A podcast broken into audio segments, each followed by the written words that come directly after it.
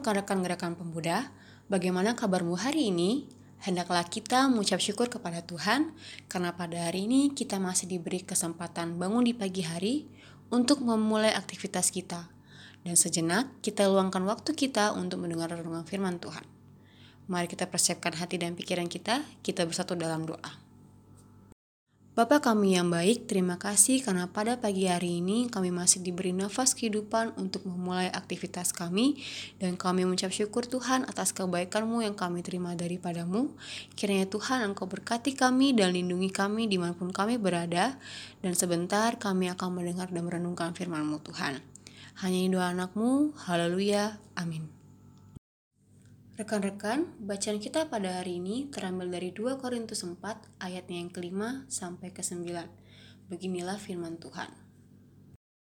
Yaitu orang-orang yang tidak percaya, yang pikirannya telah dibutakan oleh ilah zaman ini, sehingga mereka tidak melihat cahaya Injil tentang kemuliaan Kristus yang adalah gambaran Allah.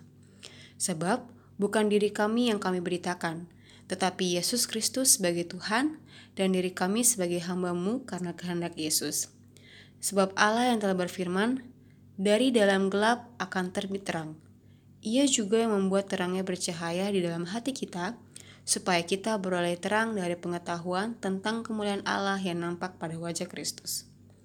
Tetapi harta ini kami punyai dalam bejana tanah liat, supaya nyata bahwa kekuatan yang melimpah-limpah itu berasal dari Allah bukan dari diri kami. Dalam segala hal kami ditindas, namun tidak terjepit. Kami habis akal, namun tidak putus asa. Kami dianiaya, namun tidak ditinggalkan sendirian. Kami dihempaskan, namun tidak binasa. Tema renungan firman Tuhan pada hari ini yaitu kemuliaan Allah sumber pemberitaan. Saya pernah bertanya kepada seorang pemuda, buka kurung, salah satu jemaat, tutup kurung, yang selalu gagal dalam hubungan dengan seseorang. Apa yang menjadi penyebab gagalnya hubungan mereka? Jawabannya di luar pemikiran saya sebelumnya. Jawabnya, saya tidak suka dengan seseorang yang dalam komunikasi hanya menceritakan tentang dirinya saja. Dalam setiap hubungan, komunikasi memegang peranan yang penting karena dari komunikasi kita bisa saling mengenal dan saling menyelami karakter masing-masing. Bahkan, dalam menyelesaikan masalah dalam hubungan dibutuhkan komunikasi yang baik. Dalam hubungannya dengan jemaat Korintus, Paulus juga senantiasa berkomunikasi. Bahkan, Paulus mengutus Titus untuk tetap menyampaikan harapan-harapan dari Paulus sebagai pendiri jemaat Korintus. Tetapi, dalam pemberitaannya, Paulus tidak menceritakan tentang kehebatan dirinya. Paulus mengatakan bahwa dirinya hanyalah tanah liat, bukan sesuatu yang dapat dibanggakan. Dalam hubungannya dengan jemaat Korintus, Paulus juga senantiasa berkomunikasi. Bahkan Paulus mengutus Titus untuk tetap menyampaikan harapan-harapan dari Paulus sebagai pendiri jemaat Korintus. Tetapi dalam pemberitaannya, Paulus tidak menceritakan tentang kehebatan dirinya. Paulus mengatakan bahwa dirinya hanyalah tanah liat, bukan sesuatu yang dapat dibanggakan. Allah lah yang berdiam di dalam tanah liat itu dan menjadi kekuatan dalam pemerintahan firman-Nya. Sumber pemerintahan Paulus adalah Kristus, kami senantiasa membawa kematian Yesus dalam tubuh kami, supaya kehidupan Yesus nyata dalam tubuh kami. Ayat yang ke-8 hingga yang ke-10. Apakah Kristus sudah menjadi sumber pemberitaan dalam kehidupan kita? GPers, tanpa kita sadari dalam percakapan kita dengan pihak lain, kita hanya berbicara tentang diri kita. Bicara tanah liat yang sesungguhnya tidak berarti apa-apa.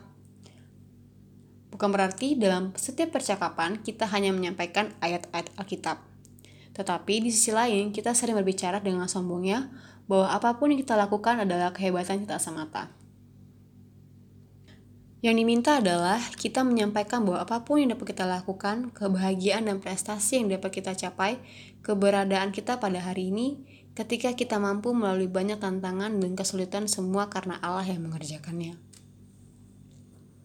Rekan-rekan, demikianlah renungan firman Tuhan pada hari ini.